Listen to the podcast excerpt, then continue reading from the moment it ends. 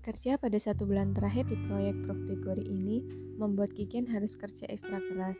Benar apa yang dikatakan Prof. Gregory dulu, bahwa sebulan terakhir adalah masa-masa paling repot yang bakal dijalani tim. Dan di sinilah Kigen sekarang, duduk menetap, menatap tumpukan dokumen yang siap ia baca dan edit. Ia dan Pak Bona hanya berbicara jika sedang berdiskusi. Mereka beristirahat sebentar untuk menikmati bakmi CM sebagai menu makan malam mereka. Setelah makan, tanpa berlama-lama, mereka langsung kembali mengerjakan pekerjaan masing-masing.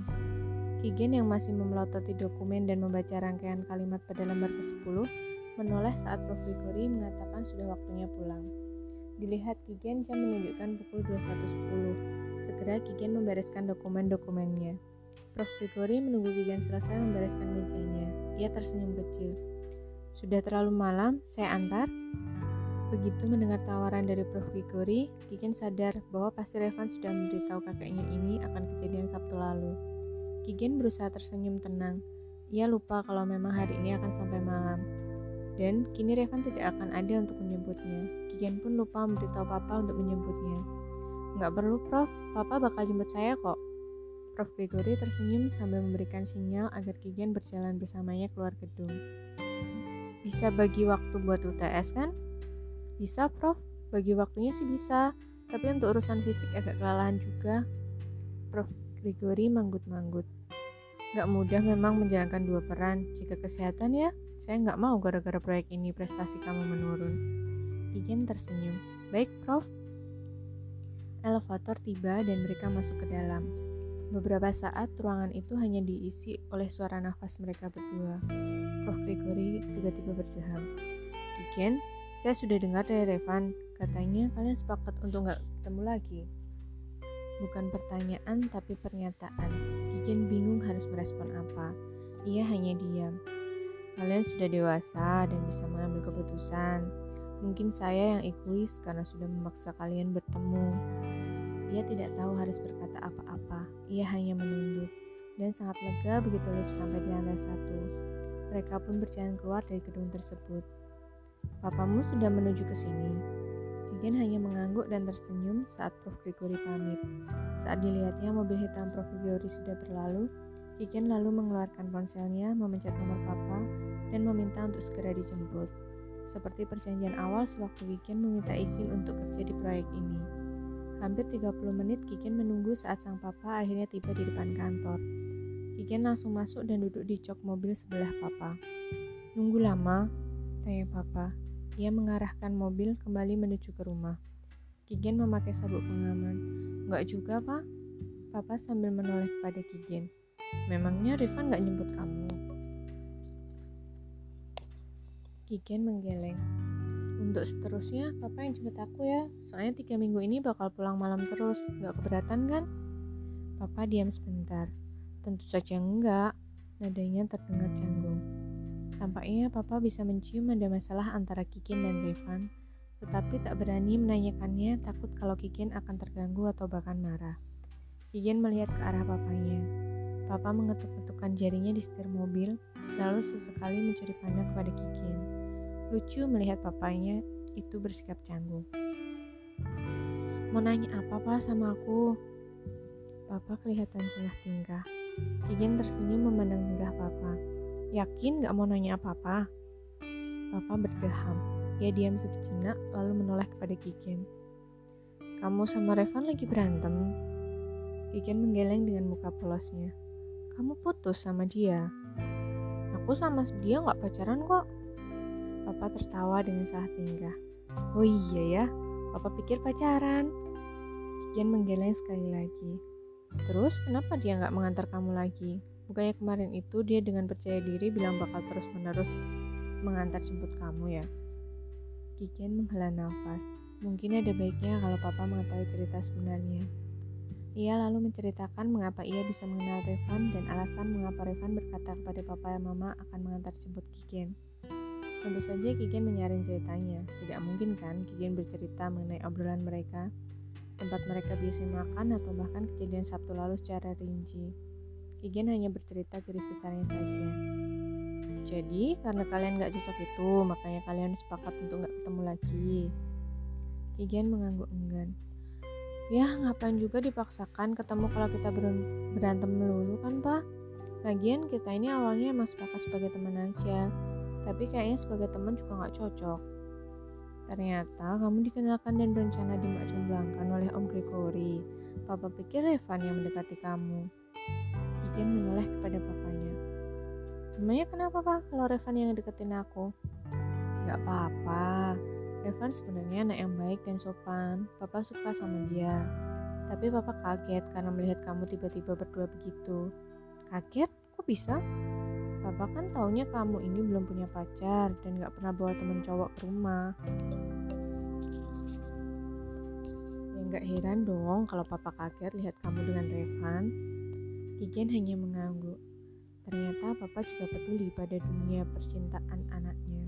Kijen kira papanya tidak begitu peduli. Meski papa suka Revan, tapi begitu lihat kalian berdua dan bilang kalau dia yang bakal antar jemput kamu, papa jadi hati-hati sama Revan. Takutnya Revan malah mainin kamu. Kijen tersenyum kepada papanya.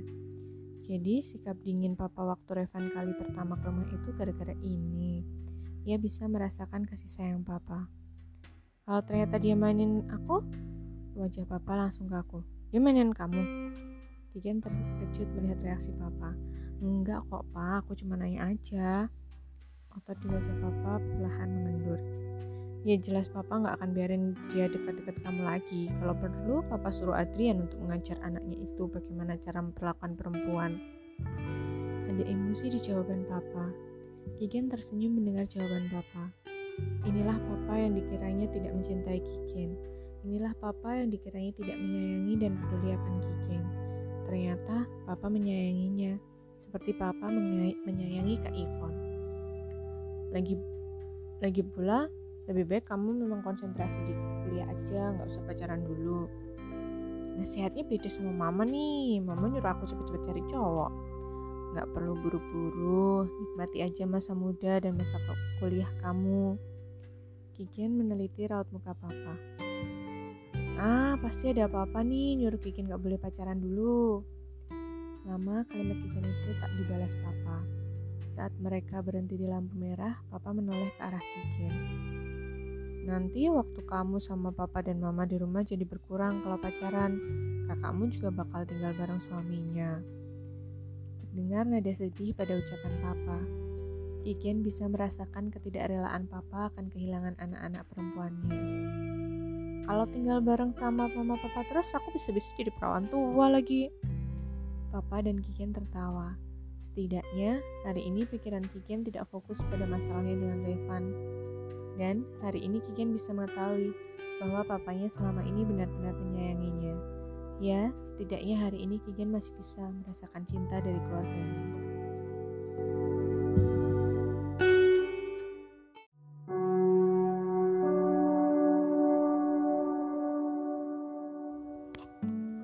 Gue udah gak bakal ketemu lagi sama yang namanya Revan itu, Tar, kata Kikin. Sore itu mereka sedang mengerjakan tugas menjelang ujian tengah semesternya. Tara berhenti menulis dan meletakkan pulpennya. Memandang Kikin yang sekarang serius mengerjakan salah satu soal mata kuliah cost accounting. Ceritain ke gue, gimana rincian kejadiannya sampai-sampai si Revan yang nasir lo itu gak bakal ketemu lo lagi. Kikin berusaha mengabaikan Tara, tapi ia dapat merasakan kedua mata Tara memandangi dengan tajam. Akhirnya, ia menyerah dan meletakkan pensil mekaniknya. Kikian menceritakan kejadian Sabtu lalu dengan memasang tampang bersantai, berusaha meyakinkan sahabatnya itu bahwa hal yang ia ceritakan adalah hal sepele. Tara tidak menyela, tetapi ia mendengarkan Kikian dengan serius. Jadi sejak itu lo gak pernah ketemu atau sekedar SMS-an sama dia? Tanya Tara. Kikian mengangguk dan mengalihkan pandangannya pada buku kos accountingnya. Lo ngerasa fine-fine aja? Kikian mengangguk, mencoba meyakinkan sahabatnya itu. Jawab jujur, Kikian. Kikian menghela nafas. Ia tahu Tara tidak akan mudah melepaskannya begitu saja dalam persoalan ini. I'm fine and I'm alright. Can you see? Tara tidak langsung membalas. Kigen hendak mengalihkan pandangannya, tetapi bakal langsung ketahuan kalau apa yang ia katakan tidak sepenuhnya benar. Ya, tidak sepenuhnya benar. karena Kigen merasa sedikit terganggu dengan kejadian Sabtu lalu. Kejadian itu sama sekali tidak direncanakan dan Kigen merasa bahwa ia melukai hati Revan. Namun, Kigen sadar bahwa ia sedikit lega bahwa acara Macumblang Prof. Gregory tidak perlu dilanjutkan. Sedikit lega. I know you too well, Kigen. Just tell me the truth. Kigen menunduk, meletakkan kembali pensil mekaniknya dan mengangkat kepalanya menghadap Tara. Jujur, gue lega kalau Revan gak perlu ikutin ikutan ngurusin kehidupan gue, Tar. Dia nggak perlu lagi antar jemput gue dan membuat dia punya kesempatan untuk nanya-nanya tentang hidup gue. Dia nggak perlu lagi bikin weekend gue jadi acara dating yang dia rancang. Dia nggak perlu lagi SMS atau telepon gue untuk sekedar dengerin suara gue, kata dia. Kata dia. Tapi, jujur, sebetulnya gue bisa nahan semua sikap dia itu sampai proyek kerjaan gue selesai. Sabtu lalu itu nggak gue sangka dia sebegitu tersinggungnya. Mungkin juga marah banget sama gue gue akui dia pasti kecewa sama gue. Dan itu buat gue ngerasa kalau gue udah nyakitin dia. Itu yang bikin gue gak nyaman. Tara memegang tangan Kikin lo suka dia ya? Kikin diam. Tidak ini bukan karena Kikin suka Revan.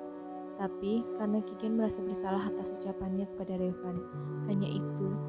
Tapi Kikin juga ragu apakah ini betul-betul hanya rasa bersalah Gue nggak tahu, Tar. Tapi yang gue tahu gue hanya merasa bersalah. Tara mengangguk memberi pengertian. Lalu ia mengusap tangan Kigen. Kigen tersenyum saat Tara memberi semangat lewat usapan tangan. Gak apa-apa, lo bakal tahu seiring berjalannya waktu.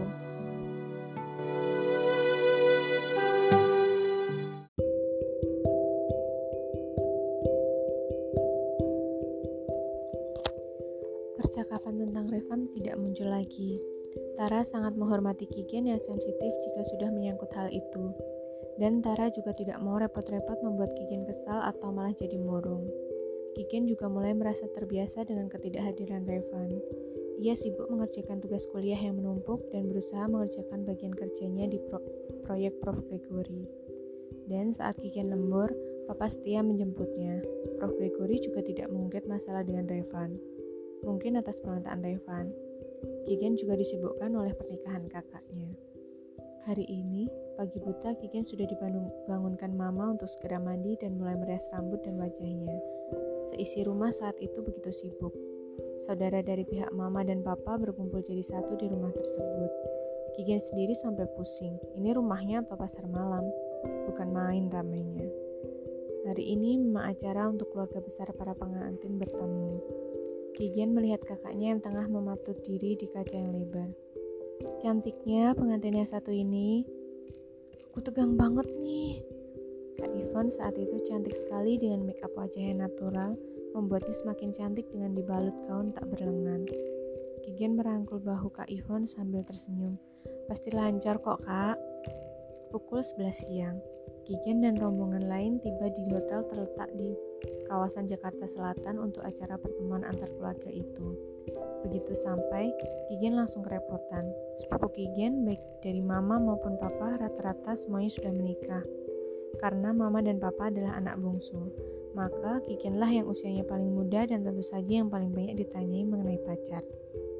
Di tengah serbuan pertanyaan itu, Kigen melihat Tara bergandengan dengan Tristan. Tara dibalut gaun sederhana berwarna ungu muda selutut. Rambut panjangnya digelung anggun, tampak sangat serasi dengan Tristan yang saat itu memakai kemeja ungu dan jas modern berwarna hitam.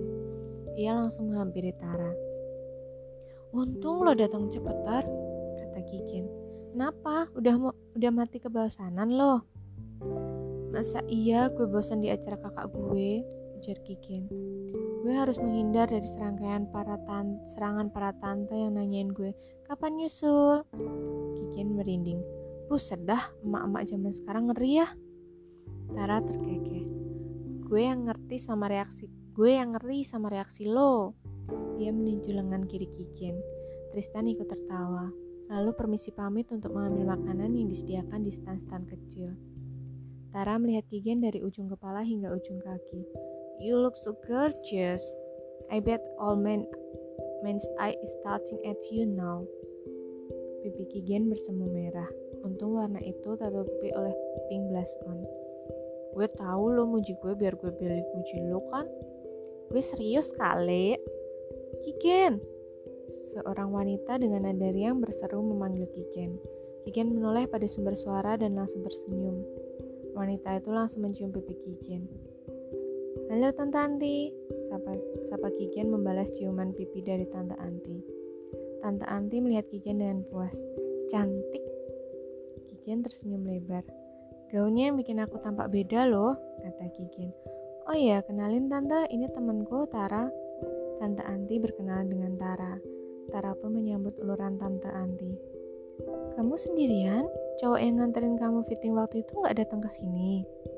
Oh, enggak Tante. Tante Anti mengangguk. Tante pikir bakal ketemu lagi.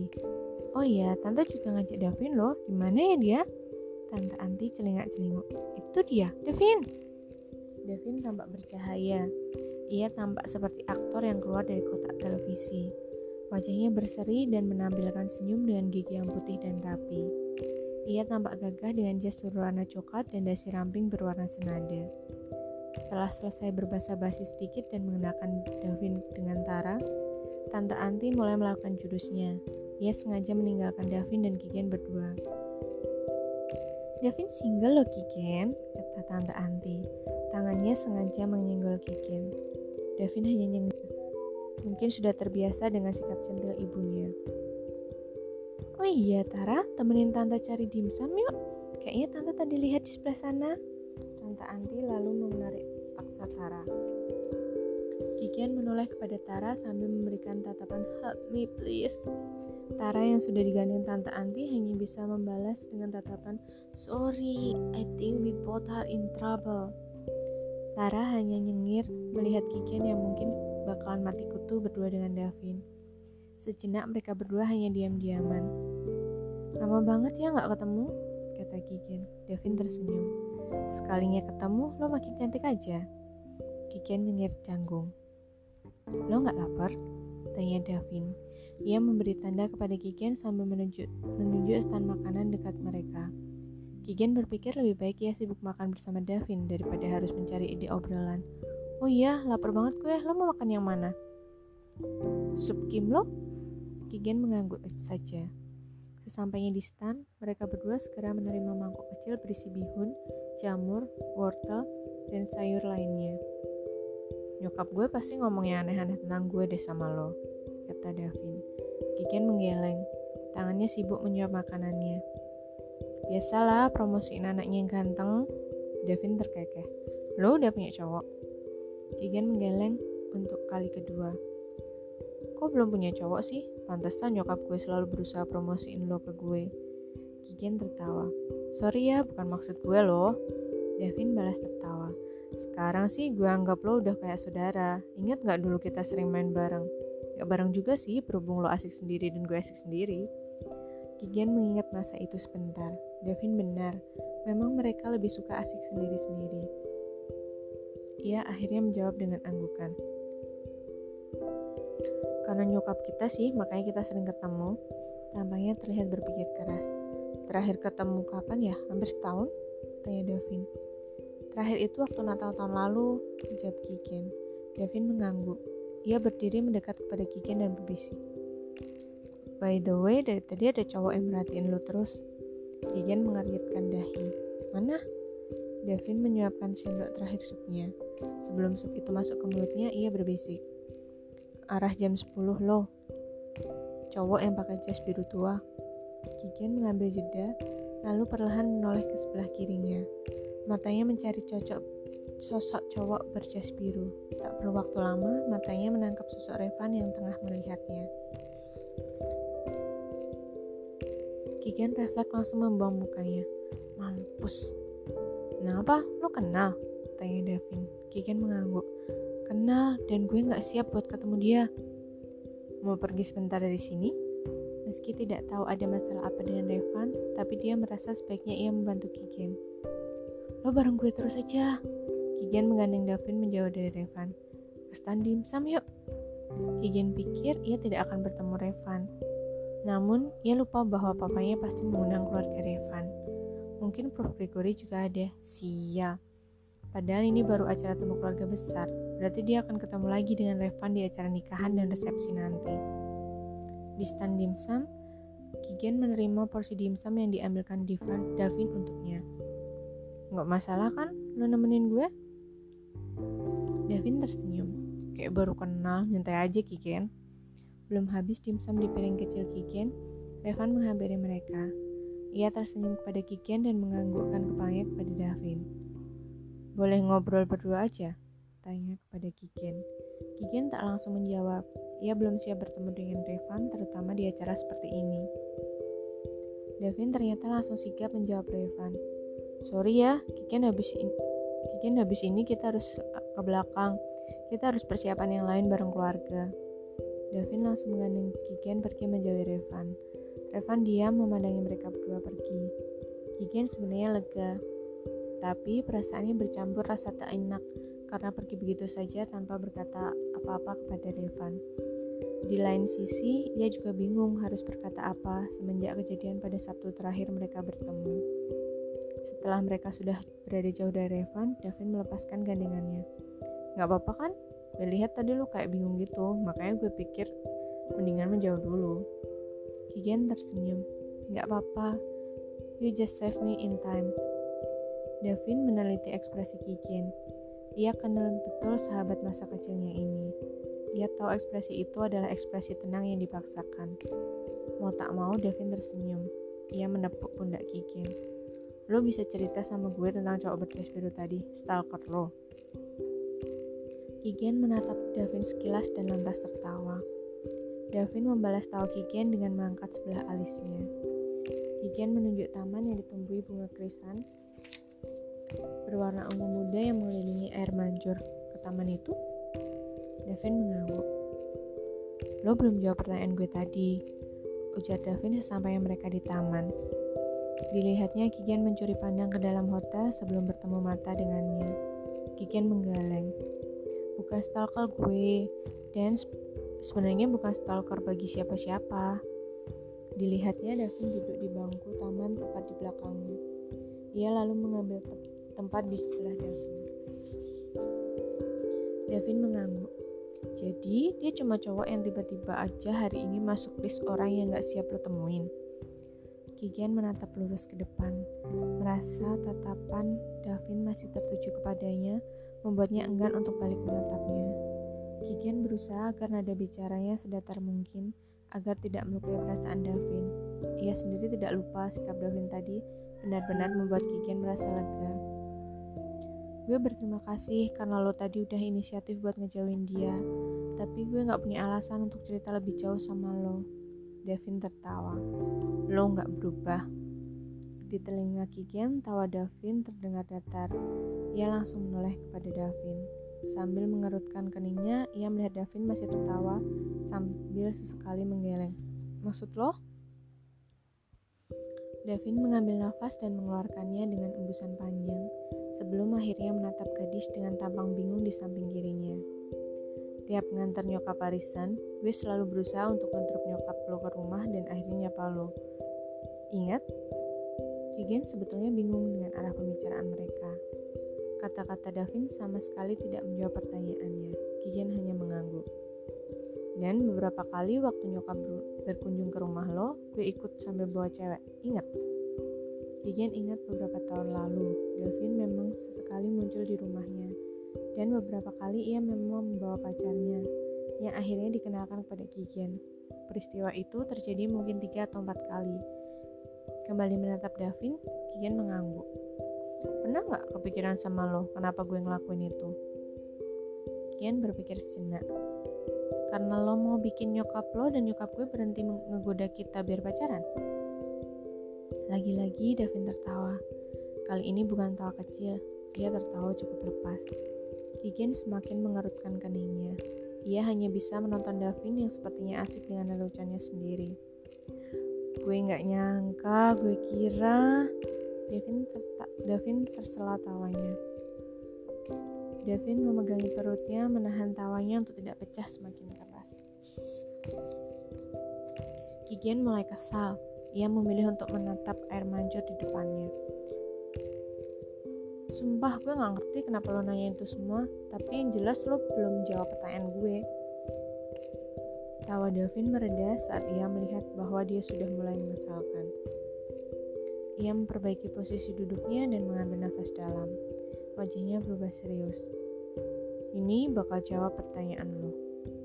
Ia berdeham lalu berdiri dari posisi duduknya. Wajahnya serius menatap Kikin. I like you a lot, Kikin. Cukup lama.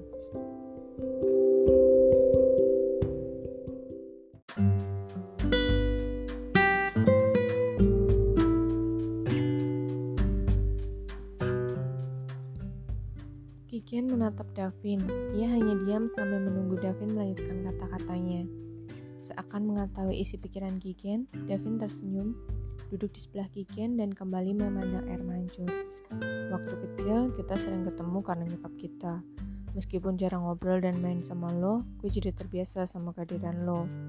Dan gue sampai lupa kapan pertama kalinya gue justru menunggu buat ketemu sama lo, buat ngeliat lo asik main sendiri. Lo jadi salah satu kebiasaan dari hidup gue, dan gue ngerasa puas sayangnya seperti itu. Akhirnya kita masuk SMA. Lo tetap lo yang selalu bersikap sopan, tapi selalu jaga jarak dengan gue. Gue tahu lo risih sama bercandaan nyokap kita, tapi jarak yang lo bikin itu membuat gue sadar untuk sebaiknya gak ngelewatin batas itu. Gue takut kalau nanti akhirnya lo malah jadi benci gue. Davin memasukkan kedua tangannya ke dalam saku celana, lalu memandang Kikian sambil tersenyum kecil sebelum mengalihkan pandangannya pada bunga krisan yang dekat dengan sepatunya. You are my first crush. You were like an unreachable thing gue nggak bisa ngedeketin lo karena gue takut jarak yang ada di antara kita semakin lebar. Makanya gue cari sosok lo di semua cewek, entah fisiknya yang mirip lo, entah tingkah lakunya yang mirip lo. Gue berusaha untuk cari cewek yang setidaknya punya sesuatu yang sama dengan diri lo. Itu alasannya gue ngenalin cewek-cewek itu. Gue berusaha membandingkan mereka sama lo, orang yang selama ini jadi unreachable thing buat gue. Akhirnya gue jadikan sebagai standar gue yang gak bisa memiliki lo memutuskan untuk setidaknya gue punya cewek yang mirip lo. Kian terpaku. Ia jadi ingat bahwa Davin selalu mencari alasan agar para ceweknya berbincang dengannya di dekatnya, sementara dia sendiri malah duduk agak menjauh dari mereka. Waktu itu Kikian memang merasa bahwa Davin sedang mempelajari sesuatu. Jadi itu alasan Davin, bukan mempelajari sesuatu melainkan membandingkan. Kikian menatap kumpulan bunga krisan yang tangkainya bergoyang karena dimainkan ujung sepatu Davin dengan yang hit hitam mengkilap. Dilihatnya Davin terdiam seakan tenggelam pada pikirannya. Dan Davin menoleh ke arah Kikian dan tersenyum. Kikian merasa dia dapat menangkap kesedihan di senyuman cowok yang dia kenal selalu ceria itu. Dan gue sama sekali nggak menemukan apa yang gue cari di mereka. Yang paling mirip dengan lo pun bukan lo. Jadi, gue berhenti untuk membandingkan. Gue belajar untuk menerima kalau we were just not meant to be. Saat itu gue mulai memilih untuk melihat cewek lain dengan dua mata terbuka. Gue mulai membuka hati gue untuk orang lain kata Davin. Kalimat Davin lalu dilanjutkan dengan keningan. Di antara mereka ada canggung menggantung di udara. Kigen mengumpulkan keberaniannya, dia memperbaiki posisi duduknya. Kini dia sepenuhnya menghadap ke arah Davin gue gue nggak nyangka kalau lo sempet naksir gue Davin tertawa Why, Kikin? Do you need a talking mirror that say you are beautiful and special? Why shouldn't I want to be with someone like that? Kigen menatap Davin yang takjub. Tak tahu harus menjawab apa. Oh iya, lo mau jawaban pertanyaan yang tadi? Tanya Davin. Kigen diam sejenak. Ia bahkan sampai lupa dengan pertanyaannya. Ia menjawab dengan anggukan kecil. Dari dulu, lo selalu menjaga jarak sama orang yang mau kenal lo lebih dekat. Kenapa gue tahu? Karena gue merhatiin lo, dan karena lo ngelakuin itu juga sama gue. Gue maju satu langkah, lo mundur dua langkah. Gue berusaha maju satu langkah lagi, lo langsung mundur tiga langkah. Gue menawarkan sesuatu, tapi lo langsung menolaknya. Lo gak pernah berubah, Kiken. Lo selalu melakukan itu. Dan kali ini, kayaknya korbannya adalah cowok tadi. Kikin memandang patung air mancur yang airnya terus menyiram permukaan air di bawahnya. Ia merasa tatapan Davin masih tertuju padanya. Tetapi kali ini ia merasa tidak perlu menghindari tatapannya. Ia balas menatap Davin. Mungkin, mungkin cowok tadi adalah korban kedua setelah lo. Tawa Davin pecah mendengar jawaban Gigen. Masih sambil tergelak, Davin menyenggol pundak Gigen. Oh, ayolah cerita sama gue. Siapa tahu gue bisa kasih nasihat yang bagus buat cowok berjas biru tadi. Gigen meninjau lengan Davin yang masih tertawa. Over my dead body. Sekarang gue malah jadi meragukan nasihat lo.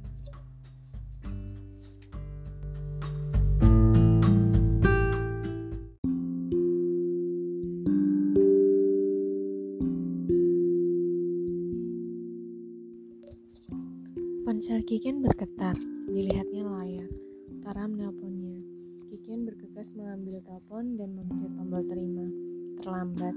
Di ujung sana, Tara sudah menutup teleponnya. Kiken melihat pemberitahuan di bawah layar teleponnya. 12 kali miss call dari Tara. Astaga, kenapa lagi? Belum juga dua kali 24 jam mereka pisah sejak pesta pertemuan keluarga kemarin. Ia memang sengaja mematikan suara teleponnya, sehingga dia bisa memikirkan dengan tenang kejutan yang dia dapat kemarin. Apa benar dia setertutup itu? Apa? Ponselnya bergetar lagi. Kali ini Kiken sikap menekan tombol speaker. Belum juga Kiken mengucapkan halo, suara Tara sudah bergaung di kamar Kiken. Lo masih utang cerita sama gue soal kemarin? Buset ya lo, gak pakai halo, gak pakai salam, langsung teriak-teriak aja. Bodoh amat, kita udah sahabatan berapa tahun juga. Mesti banget pakai salam pas telepon. Ayo ceritain yang lengkap sama gue. Suara Tara masih bertengger di nada tinggi, tanda ia bersemangat.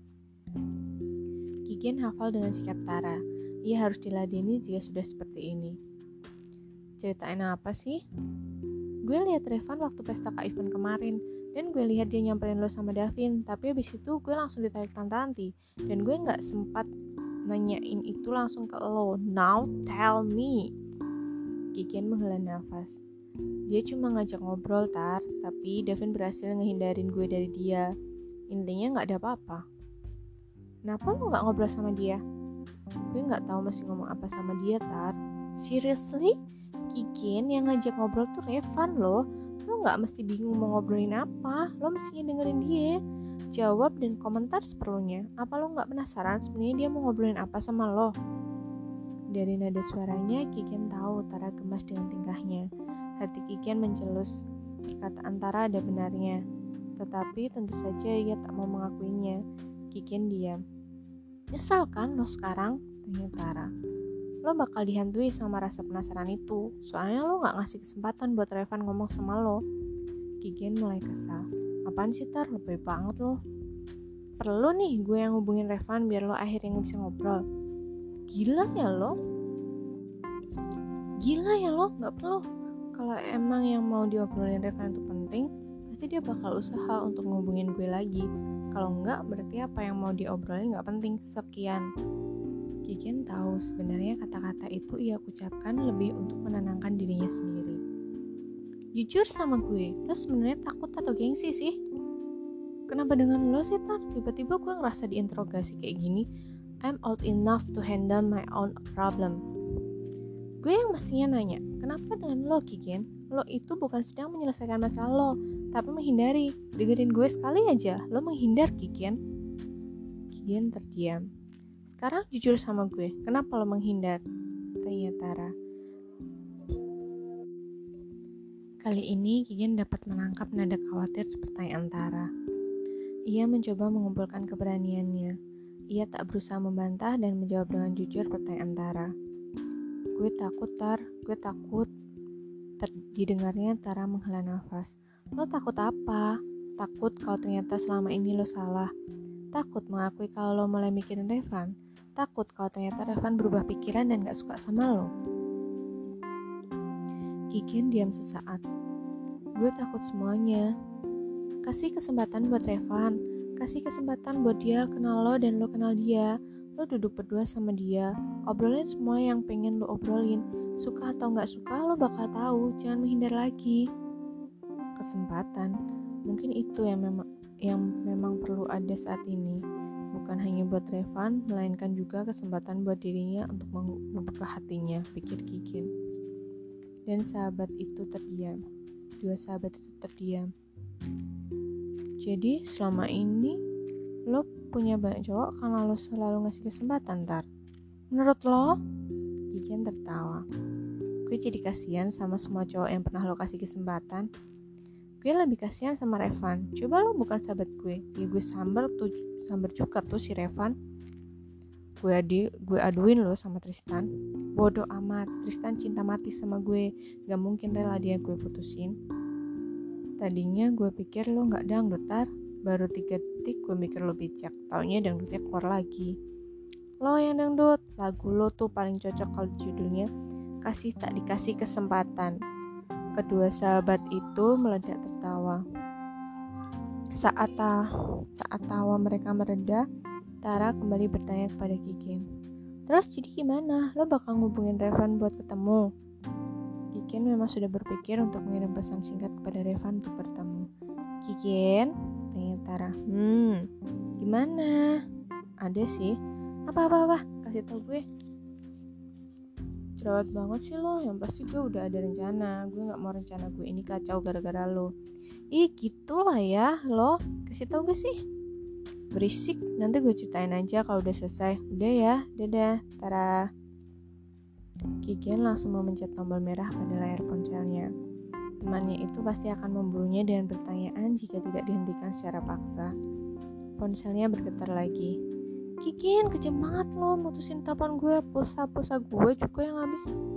Beris banget sih lo. Iya nanti gue ceritain gak sekarang. Gue maunya sekarang. Tanpa repot-repot menjawab Kikin memencet tombol merah lagi. Tak lama kemudian ponselnya bergetar. Cerita. Berisik. Kikin langsung memutus pembicaraan ia hanya bisa geleng-geleng kepala dengan sikap Tara tiga detik kemudian ponsel Kikin bergetar lagi Kali ini Kigen langsung teriak, Udah gue bilang nanti aja. Persisten banget sih lo. Di ujung sana hening sejenak. Kemudian sebuah suara menjawab, Kigen? Kigen tersentak suara cowok. Langsung dilihatnya layar teleponnya, Revan. Mampus gue, mampus gue, mampus gue. Eh, sorry, gue kira tadi Tara nelpon. Kata Kigen. Untungnya dia tidak perlu menyembunyikan wajah malunya yang tentu saja tidak bisa dilihat oleh Revan. Oh, gue kira lo marah sama gue. Enggak kok. Gigen merasa canggung. Dia berencana untuk mengirimi Revan pesan singkat, dan ternyata Revan yang menelponnya langsung. Ini tidak sesuai rencananya. Lo apa kabar? Tanya Revan sekenanya. Tanya Gigen sekenanya. Di ujung sana terdengar Revan tertawa. Baru juga kemarin kita ketemu, gue sehat kok, lo gimana? Gigen meringis, malu akan kebodohannya. Gue juga sehat, jawabnya. Ada apa nelpon gue? Pengen denger suara lo. Dikup jantung Kikian mulai berdetak cepat. Kikian berdaham. Minggu depan, sebelum pemberkat pemberkatan pernikahan Kak Ivan, lo ada waktu nggak? Gue belum punya rencana apa-apa. Bisa nggak ketemuan pukul 10 pagi? Kenapa nunggu minggu depan? Devan benar, sebetulnya masih ada waktu sebelum minggu depan. Kalau untuk mereka sekedar bertemu, tapi Kigen perlu waktu. Ia perlu menenangkan diri dan menyiapkan dirinya. Sebelum itu gue masih sibuk persiapan nikahan, jawabnya terbata. Di ujung sana tak terdengar balasan. Kigen menunggu. Lo nggak mesti siap-siap juga buat acara pemberkatan? Tanya Revan. Pukul satu, gue bakal siap-siap dari pukul satu siang. Gue rasa cukup waktunya. Kigen berharap Revan langsung mengiyakan. Oke, jawab Revan. Ketemu di mana? Di gereja aja. Gue jemput ke rumah lo ya. Gak usah, kita langsung ketemu di sana aja. Revan tak langsung menjawab. Kikian menggigit jarinya. Oke, pukul 10 di gereja. Kikian menutup telepon Revan. Perlahan ia mengambil nafas panjang dan menghembuskannya. Semoga waktu itu cukup untuk menenangkannya dan menyiapkannya.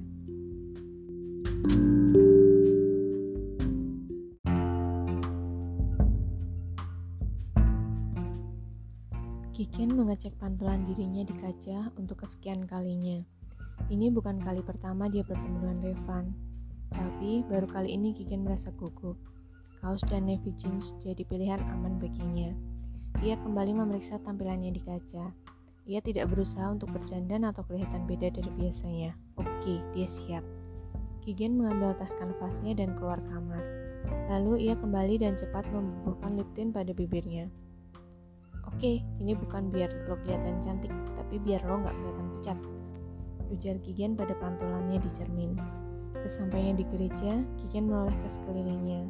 Ia melihat jam tangannya, pukul 10 tepat. Kigen menoleh ke area halaman dengan depan gereja yang terlihat hijau. Beberapa pohon angsana tumbuh tinggi hampir menyamai tinggi gedung gereja. Pohon-pohon itu membuat halaman gereja sejuk, tidak terik tertimpa matahari pagi. Dirogohnya ponsel dalam tasnya, ia menelpon Revan. Panggilannya terputus atau dimatikan. Lagi, Kigen menelpon Revan. Sebelum nada sambung kedua terdengar, ada yang memanggil Kigen. Kigen menoleh ke belakang. Dilihatnya Revan mengacungkan ponselnya sambil tersenyum. Gue tunggu di belakang, gue pikir lo udah nyampe di depan, makanya gue matiin telepon lo. Kiken mengangguk. Udah lama, baru sebentar kok. Lagi Kiken mengangguk. Ia menunjuk bangku panjang yang terbuat dari kayu menyilat. Duduk di situ. Giliran Revan yang mengangguk. Mereka berdua duduk. Kiken mengambil jarak sejengkal dari Revan.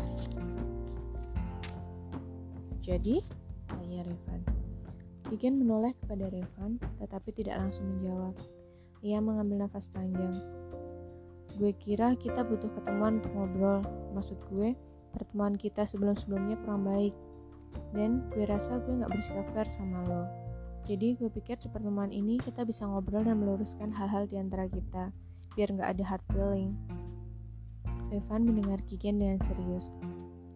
Jadi kali ini kita ngobrol, kita ketemu untuk ngobrol. Ya, jadi gue boleh tanya banyak hal sama lo. Kigen mengangguk lambat. Ya, dan gue juga mau nanya beberapa hal ke lo. Revan mengangguk.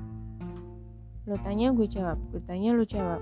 Kigen mengangguk, mengangguk setuju. Dan itu berarti kita harus jujur waktu menjawab, gak boleh ada yang disembunyiin. Kigen diam sesaat. Kita berhak berbohong. Revan naik alisnya bohong. Terus inti dari pertemuan ini adalah kita ngobrol dan kita bohong. Iya, kita berhak bohong. Gue nggak tahu lo bohong dan lo nggak tahu gue bohong. Gak bakal ada yang tahu kan? No, gue mau semuanya jujur. Kenapa? Bukannya orang berhak menutupi kalau memang dia nggak pengen orang lain tahu. Revan terdiam mendengar nada suara Kiken yang mulai meninggi. Ia memilih untuk tidak menjawab. Ia hanya memandangi Kiken. Astaga, kenapa gue selalu marah? setiap kali ngomong sama cowok ini. Kigen mengatur nafasnya sebentar, memikirkan apa yang sebaiknya dikatakan sebelum menoleh kepada Revan. Oke, kita masing-masing berhak bohong lima kali. Revan menatap Kigen. Bohong satu kali aja udah dosa, Kigen. Ya berarti jatuh dosanya lima kali, kalau ngelanggar dosanya makin banyak. Begitu kalimat itu keluar dari mulutnya, Kigen bisa mendengar betapa paniknya dirinya namun tak mau kalah dengan aturan yang dia buat tiba-tiba. Satu kali, cuma boleh satu kali, kata Revan. Enggak lima kali, dua kali. Gue gak mau punya banyak dosa hanya karena ngobrol sama lo. Gideon melihat ekspresi Revan dengan serius. Fine, tiga kali. Ujar Gideon dengan wajah cemberut. Revan tersenyum. Dia mengeluarkan tangan kanannya. Deal. Gideon menyalami tangan Revan yang besar. Gue yang tanya duluan, katanya. Evan menganggukkan kepala. Ia mempersilahkan Kigen untuk mulai pertama. Waktu pertama pertemuan keluarga kemarin, lo ngajak gue ngobrol berdua. Apa yang mau lo obrolin? Tanya Kigen. Evan menatap ke gereja. Gue mau pro pro propose lo biar wedding day kita samaan dengan Kak Ivon. Sembarangan, seru Kigen. Jelas kali ini Revan menggunakan satu kesempatan berbohongnya. Revan hanya tersenyum. Giliran gue, katanya. Setelah kejadian Sabtu waktu itu, lo kangen gue antar jemput ke kantor nggak? Enggak, gue justru ngerasa bebas nggak perlu nemenin lo makan dan jajan ke seantero Jakarta tiap antar jemput gue.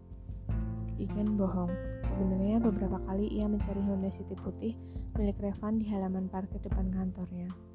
Revan hanya mau kecil mendengar jawaban Gigen. Lo masih suka aku ya? Tanya Kigen. Evan menoleh kepada Kigen. Dia tersenyum jail. Lo maunya masih atau enggak? Kigen hampir setengah tingkah. Buru-buru saja ia membalas.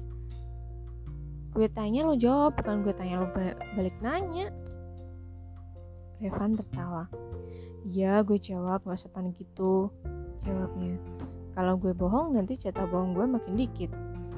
Ia menatap Kiken yang masih menunggu jawabannya. Jujur. Kiken mengangkat bahunya. Revan tersenyum. Masih, gue masih suka lo. Kikian mengalihkan pandangannya dari Revan. Kali ini, dia menyesal kenapa dia mengusulkan agar mereka berhak berbohong. Lo pernah bilang pengen ke Korea, dan waktu itu gue tanya lebih jauh. Lo nggak mau bahas itu. Sekarang lo mau bahas itu? Tanya Revan. Oke, okay. kalau gitu, itu pertanyaan gue selanjutnya. Gigen melihat pohon angsana yang berada di seberangnya. Sinar matahari yang mulai terik membuat daunnya mengilat. Dia menghela nafas. Dulu gue pengen kabur, pengen jauh-jauh dari keluarga gue. Gue ngerasa gak nyaman sama keadaan gue. Rasanya gue bakal lebih bahagia kalau gue ada di tempat yang gak kenal keluarga gue. Gak tau latar belakang gue, yang hanya kenal gue tanpa embel-embel. Kigen menengadahkan kepalanya. Dia kini menatap ranting-ranting pohon yang menghalangi sinar matahari. Papa sama Kak Ivon adalah orang yang baik. Tapi gue ngerasa kalau gue menerima gue menerima dan sayang mereka itu artinya gue ngelupain bokap kandung gue dan gue nggak mau itu terjadi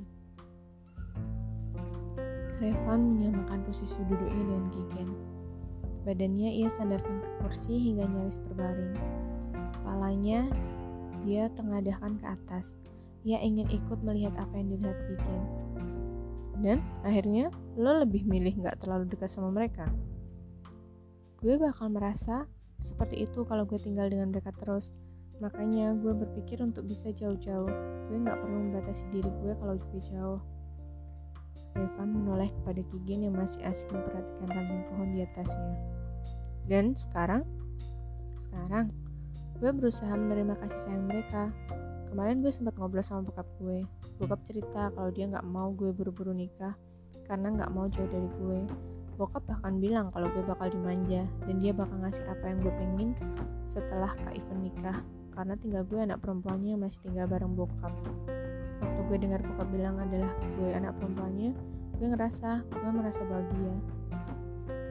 Kigen tersenyum dan menoleh ke arah Revan. Di hadapannya, wajah Revan yang sedang tersenyum tampak begitu dekat.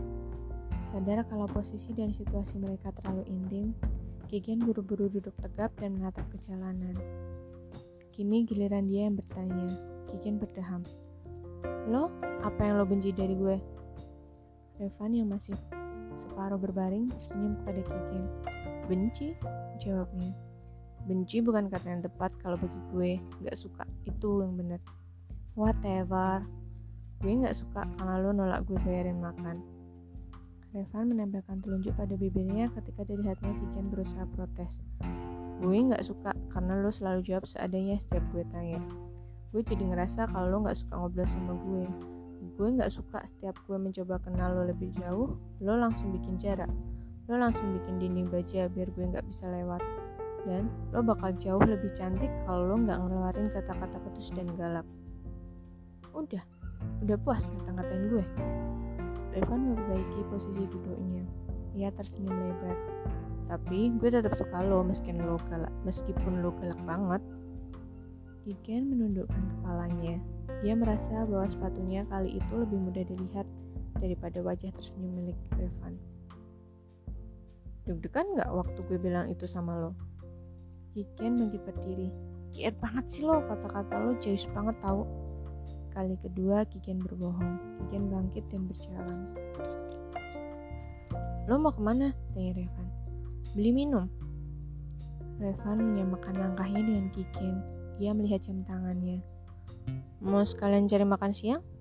Kiken memperlambat langkahnya dan menoleh kepada Revan. Lo belum sarapan? Udah, tapi gue lapar. Kenapa tiap ketemu lo kita makan mulu sih? Revan tersenyum. Karena kita lebih mudah bahagia kalau perut kita kenyang. Kian tersenyum kecil mendengar jawaban itu. Betul juga. Ia lalu melihat-lihat dan menunjuk satu tempat makan yang kelihatannya cukup nyaman. Mau makan di situ? Evan mengangguk. keduanya berjalan ke tempat makan yang ternyata tidak terlalu besar. Mereka berdua memilih duduk di teras depan tempat makan tersebut yang bangku dan mejanya terbuat dari kayu yang cukup, sudah cukup tua. Setelah memesan makanan, Kikin menghadap Revan. Giliran gue kan sekarang? Revan memberikan gestur mempersilahkan Kikin bertanya. Impresi pertama lo sama gue? Tanya Kikin. Nerd, socially unskilled, innocent. Kikin melihat ekspresi Revan yang serius saat menjawab pertanyaannya. Ia terdiam. Revan mengangkat alisnya. Nggak nanya impresi sesudahnya. Saat itu, pelayan restoran mengantarkan minuman mereka berdua. Hingga pelayan tersebut pergi, Kikin malah sibuk dengan minumannya. Smart, especially with word, blunt, yet hard to predict type of girl. Sweet in your own way, but spicy in so many ways. Jawab Revan. Kikin menoleh ke arah Revan. Ia tahu bahwa Revan tidak berbohong karena kata-katanya itu tidak semanis yang ia harapkan. Di dalam hati, Kiken lebih berharap Revan menggunakan pujian yang klise. Akan lebih mudah menanggapi jika Revan menggunakan pu pujian yang jayus. Perkataan yang terang-terangan ini justru membuat Kiken tak tahu harus bagaimana. Bingung. Kiken meminum es jeruk yang sedari tadi hanya ia kocok dengan sedotan berwarna hitam. Revan ikut meminum es jeruknya. Cowok yang bareng lo di pertemuan kemarin, saudara lo? Kigen langsung menjawab, Davin. Revan mengangguk kecil. Rasanya ia pernah dengar nama itu. Ya, yeah, Kigen pernah bercerita tentang Davin. Cowok yang suka dijodohin sama nyokap lo. Kigen mengangguk gilirannya. Waktu pertama kali Prof. Gregory jumlahin gue sama lo, reaksi lo? Revan berpikir sesaat. Gue tolak, sama kayak lo, gue gak mau dijodoh-jodohin sama cewek yang bahkan belum pernah gue temuin maksud gue kita asing banget lagian kayak gue nggak bisa cari cewek aja sampai sampai opa nyariin gue cewek Kikian mengerti perasaan Revan tentu saja tampang ganteng tidak akan membuat Revan kesulitan mencari pacar yang ia mau tapi lo tetap datang kata Kikian kenapa sebelum Revan menjawab kali ini pelayaran pelayan restoran mengantarkan pesanan mereka nasi goreng kambing untuk Revan, dan tong tongseng ayam untuk Kiken. Mereka melanjutkan bicara di sela suapan makanan mereka. Mau gak mau, gue sangat menghormati opa gue. Opa bilang kalau gue gak ngasih kesempatan, gue gak bisa ngechat langsung permintaan opa. Makanya, gue kira kalau gue emang gak suka sama lo di pertemuan pertama, gue bakal tolak. Dan opa gue pun gak akan ada alasan untuk bujuk-bujuk gue lagi dan lo tetap datang di pertemuan kedua dan seterusnya. Mau gimana lagi? Gue ngerasa tertantang sama lo. Kikian mengeritkan dahinya. Did I look like a challenge to you? Lo skeptis banget sama usaha opa gue buat nyumblangin kita. Entah perjodohan itu yang bikin lo skeptis atau gue sendiri. Gue butuh jawaban itu, makanya gue bersedia ketemu lo sesudah pertemuan pertama. Kikian menatap Revan. Jawabannya ketemu? Belum, jawab Revan. Gue pun lupa sama hal itu, karena gue sibuk menjajarkan diri gue sama lo, biar gue bisa sampai di tempat yang sama dengan lo. Dan lo sendiri yang tahu gimana kejadian selanjutnya. Tidak ada nada getir di ucapan Revan, tetapi Kiken merasakan tohokan di dadanya. Ia mengingat kembali kejadian pada Sabtu itu. Lo tadi sempat nanya apa yang gue nggak suka dari lo. Lo mau, gue mau nanya hal yang sama. Hal yang gak, gak gue suka dari lo, tanya Kiken. Revan mengangguk. Kiken berpikir sinak. Lo suka maksa, maksa nemenin makan, maksa ngajak gue jalan, maksa nanyain sesuatu yang gue gak mau bahas, maksa bayar makanan gue, maksa ketemu bokap nyokap gue padahal gue bilang jangan. Lo nyebelin. Revan tertawa. Ini yang gue suka dari lo, belak-belakan, tanpa tadi ngaling-ngaling langsung ngeluarin kata-kata yang emang pengen lo ucapin. Kikian memandang cowok satu ini. Ia bingung pada reaksi Revan. Mungkin orang lain akan langsung naik hitam atau balas menghujatnya. Tapi cowok di depannya ini malah asik tertawa dan santai saja melanjutkan makan minumnya. Revan menaruh gelas minuman yang baru ditegaknya. Mantan-mantan gue bakal ngomongin gue yang manis-manis waktu pacaran dan yang jelek-jelek waktu putus. Salah satu dari mereka pernah bilang, disclose itu perlu kejujuran jadi gue berpikir selama ini waktu pacaran dia atau mantan gue yang lain gak pernah jujur karena mereka baru benar-benar terbuka hanya saat putus tapi lo belum juga tapi lo belum juga pacaran belak banget sama hal itu Revan menggeleng-gelengkan kepalanya gue cuma bilang apa adanya mereka berdua menyelesaikan makan minumnya saat setelah selesai dan beres membayar makanan masing-masing Revan bertanya Mau balik ke gereja lagi? Kigen menggeleng. Duduk dulu deh, tunggu pukul satu. Lo sama keluarga lo siap-siap di gereja langsung. Kigen mengangguk. Bentar lagi juga mereka nyampe. Gaun lo warna apa? Kenapa? Dilihatnya Revan tersenyum sambil menggaruk belakang kepalanya. Gue mau nyamain dengan dasi gue ntar. Tiba-tiba saja Kiken merasa pipi dan seluruh wajahnya panas. Apa sih lo gak penting banget? itu itu salah satu pertanyaan gue hari ini Kiken diam saat sambil menang Revan oh dia lagi Kiken mulai cemas sudah berapa kali dia bagaimana kalau nanti Revan menanyakan sesuatu yang tak mau dia jawab sedangkan jatah bohongnya sudah habis Revan mengangguk ia memangku dagu di tangan kanannya mau tanya apa lagi lo kasih alasan apa sama Prof. Gregory waktu bilang gak akan antar jemput gue lagi? Gue bilang apa adanya. Gue bilang kalau kita lebih banyak bertengkar dan adu mulut. Gue bilang kalau kita gak cocok. Prof. Gregory percaya. Daripada gue bilang bahwa gue bahkan udah ditolak sebelum nembak lo, alasan tadi lebih masuk akal bagi Opa. Ucapan Revan seperti tamparan dibaca Kiken. Ia mengalihkan pandangannya ke mana pun asal bukan mata Revan. Kiken, Mendengar panggilan itu, Revan terpaksa menoleh ke arah Revan. Kikin terpaksa menoleh ke arah Revan. Itu mobil bokap lo kan? Tanya Revan. Tangannya menunjuk ke arah gereja. Kikin melihat ke arah yang ditunjuk. Sebuah mobil sedan berwarna hitam baru saja masuk halaman depan gereja. Kikin langsung berdiri. Iya, kita kita sambung nanti.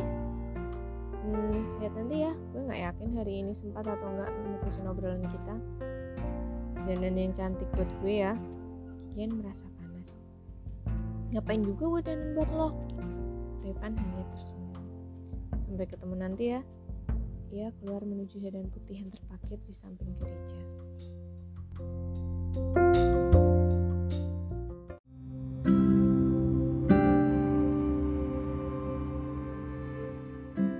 Sekali lagi, Kikin menatap pantulan dirinya di depan cermin. Ma, lipstiknya nggak terlalu tebal ya? Mama melihat Kikian sejenak. Enggak, cantik kok. Kikian menatap dirinya lagi dari atas dan bawah.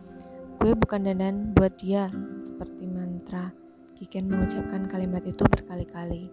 Selain ke Ivon dan papa yang akan masuk gereja saat prosesi dimulai, Kigen dan Mama memasuki ruangan gereja yang sudah dihiasi dengan karangan bunga mawar berwarna putih di setiap baris. Selagi menunggu, Kiken duduk sambil memainkan karangan bunga kecil di tangannya. Jangan nervous, ujar seseorang di belakangnya. Kiken yang kaget spontan langsung berbalik. Lebih kaget setelah menemukan Revan dengan senyum lebarnya. Kiken melongo. Revan mengenakan kemeja, celana, dan jas hitam. Di sakunya terdapat sapu tangan berwarna kuning gading sama dengan gaun yang Kiken kenakan. Kiken menunjuk sapu tangan yang tersampit di saku jas Revan. Lo dari mana lo? Gue tanya nyokap lo. Evan duduk di bangku panjang, tempat Kiken dan mamanya harus duduk. Jadi, gue duduk di sini kan? Kiken bingung. Ia diam beberapa saat. Lo kan tamu, duduknya di jajaran belakang. Revan menoleh kepada Kiken. Lo nggak tahu? Ia tersenyum. Gue jadi pendamping lo, makanya gue duduk sebelah lo. Tanya nyokap kalau nggak percaya. Baru saja Kigen menoleh ingin mencari, mamanya ternyata sudah dekat, sudah di dekat mereka. Ah, Reva sudah datang. Maaf ya, tante minta kamu di menit-menit terakhir. Sepupunya Kikel, Kigen bakal telat datang, gak mungkin nanti langsung duduk di baris paling depan. Kigen memegang lengan mama. Revan gak perlu gantiin Joshua, ma. Joshua sendiri gak keberatan kok digantiin. Dan Revan pun gak keberatan menemenin kita di baris pertama. Ya kan Revan? Revan mengangguk. Dengan senang hati tante. Mama mendorong Kikin. Sebentar lagi dimulai duduk yang manis Kigen. Kigen menoleh kepada Revan. Bisa nggak sih lo sekali aja nolak permintaan nyokap gue? Kigen berbisik, tak mau mama mendengar protesnya.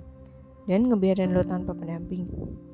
Kigen membelalakkan mata kepada Revan, menunjukkan tampang kesalnya. Revan balas memandang Kigen. Ayolah, tadi siang kita masih fan-fan aja. Dan hanya karena gue nerima permintaan nyokap lo, lo jadi kesel di hari pernikahan kakak lo. Kigen menatap ke depan. Bukan salah Revan kalau tiba-tiba saja dia duduk di sebelahnya sore ini. Dan mengingat percakapan mereka berdua siang tadi berjalan cukup baik, kenapa ia harus mengacaukan hari ini karena egonya sendiri? Nikmati masa muda, nikmati cinta, nikmati hidup. Tiba-tiba saja Kian teringat kata-kata Pak Buna. Ia sudah janji untuk memberikan kesempatan pada dirinya sendiri dan kepada Revan. Fine, aku juga gak akan biarin lo bikin gue kesel hari ini, ujar Kian. Pemain organ sudah memainkan alunan musik. Kikian mendengar pintu gereja dibuka. Terlihat Kak Ivon dan Papa berjalan perlahan. Kak Ivon terlihat cantik dan bahagia. Tersenyum kepada tamu yang memenuhi bangku gereja. Perhatian Kikian tertuju kepada kakaknya, lupa kepada sikap Revan yang sempat membuatnya gugup. Sesampai kakaknya di altar dan berdampingan dengan Kak Abi, Revan kembali berbisik kepada Kikian. Gue lupa bilang, lo cantik banget dari ini. Kikian langsung menoleh kepada Revan. Ia mencoba tenang, memaksakan untuk tersenyum. Gak perlu lo kasih tahu, gue juga tahu. Thanks anyway. Saat prosesi pemberkatan dimulai, para tamu dipersilahkan duduk. Revan mendekat kepada Kigen. Jatah bohong gue belum habis, katanya lirih. Lo mau melanjutkan percakapan kita sekarang di sini? Revan mengangguk. Kigen langsung mengabaikan Revan dan berusaha berkonsentrasi pada acara pemberkatan. Tak lama kemudian, ponsel Kigen bergetar di dalam tas kecilnya. Astaga, dia lupa matikan teleponnya. Ia merogoh dan melihat layar ponselnya. Sebuah pesan singkat dari Tara. From Tara. Lo bilang kalau sepupu lo si James yang bakal ngedampingin lo di baris pertama. Sejak kapan Revan jadi sepupu lo? Kiken memandang sekilas ke belakang dan melihat Tara di deretan tengah sedang memicingkan mata. Mulutnya komat kami tanpa suara, mengucap halus. Halus sambil mengacungkan ponselnya. Kiken menghela nafas panjang, sembunyi-sembunyi Kiken menekan tombol-tombol ponselnya dengan cekatan. Tuh Tara, sepupu gue Joshua Tar, Joshua bukan James. Sebentar kemudian ponsel Kiken bergetar lagi. From Tara, whatever, lo nggak jawab pertanyaan kedua gue. Tuh Tara, lo sendiri tahu dia bukan sepupu gue. From Tara, jelas gue tahu. Karena kalau dia sepupu lo lo dia dia nggak akan ngeliatin lo terus kayak gitu. Kikian langsung menoleh kepada Revan. Benar saja mata mereka bertemu. Revan tidak terlihat kaget ataupun gugup begitu Kikian melihatnya sedang menatap Kikian See something you like? kata Revan sayangnya enggak Revan menyenggol bahu Kikian belum pacaran udah manggil sayang-sayang, lo agresif juga ya. Kigen spontan meninju lengan Revan. Kigen, desis mama. Kigen terpaksa hanya melotot kepada Revan sambil menggeser duduknya agak menjauh. Ponselnya bergetar lagi. From Tara. Kalau gue jadi Kak Ivon, gue gak keberatan kalau lo sebagai adik gue malah romantis-romantisan sama cowok di acara pemberkatan nikah gue. Kigen memutar bola matanya kesekian kali. Tidak hanya Revan, tapi sahabatnya juga berniat membuat Kikian kelabakan di hari penting kakaknya. Kikian hanya bisa mengeraskan rahangnya, berharap acara ini segera berakhir.